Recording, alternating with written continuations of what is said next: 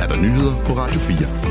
Det ekspertudvalg, der har vurderet modeller for en CO2-afgift på landbruget, vil anbefale en afgift på højst 750 kroner per udledt ton CO2. Det erfarer TV2 og Kristelig Dagblad. Det er svareudvalget, opkaldt efter formanden for udvalget, professor Michael Svare, der i dag præsenterer sine anbefalinger i en rapport, der er blevet udskudt flere gange. Men inden da har de to medier erfaret en del af indholdet. De skriver ikke, hvor de har oplysningerne fra. Ifølge Kristelig Dagblad har udvalget udformet tre modeller med tre forskellige satser. Den højeste sats er 750 kroner, mens de to andre ligger på henholdsvis 350 og 150 kroner per udledt ton CO2. 750 kroner per ton CO2 er den afgift, der er vedtaget for industrien.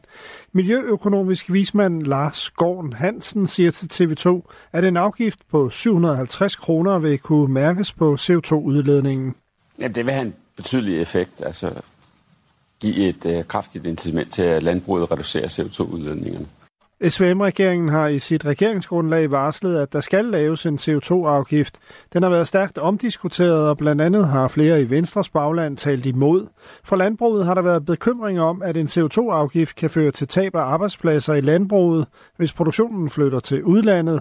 Men det vil ikke ske, og alternativet er værre, siger den miljøøkonomiske vismand til tv-stationen det er vigtigt at, at, at være, være klar på, at de bliver ikke sendt ud af landet. De bliver sendt til, til byerne i Danmark.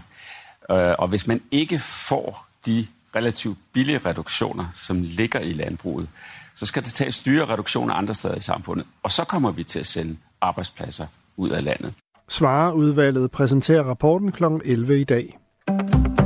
Kun knap hver tiende europæer tror på, at Ukraine kan vinde krigen over Rusland og genvinde sit territorium. Det viser en ny undersøgelse fra tænketanken European Council on Foreign Relations. Støtten til Ukraine er fortsat høj, men de fleste adspurgte, 37 procent, tror, at krigen vil ende med en form for kompromisaftale mellem Rusland og Ukraine – 20 procent tror på sejr til Rusland. Undersøgelsen blev gennemført i januar i 12 europæiske lande, heriblandt Frankrig, Tyskland og Sverige. Donald Trump risikerer at få beslaglagt sine skyskrabere.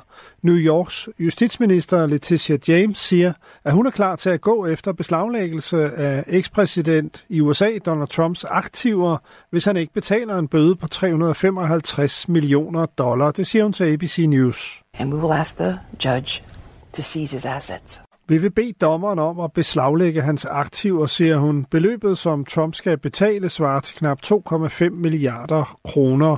Trump fik bøden i sidste uge, fordi han gennem et årti har overdrevet værdien af sit familieforetagende med op til knap 25 milliarder kroner. Ekspræsidenten har appelleret bøden. Den 29. maj skal sydafrikanerne til stemmeboksene, når der afholdes nationalt valg og valg i landets ni provinser. Det meddelte landets præsident Cyril Ramaphosa i går, skriver AFP. Meningsmålinger viser indtil videre, at Ramaphosas parti for første gang kan ende med færre end 50 procent af stemmerne, og dermed kan blive nødt til at dele magten.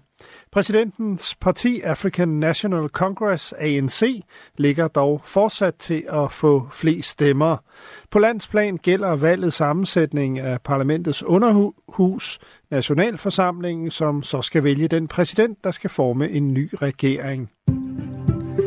Først diset og lidt regn, senere klarer det op, 5-9 grader og lidt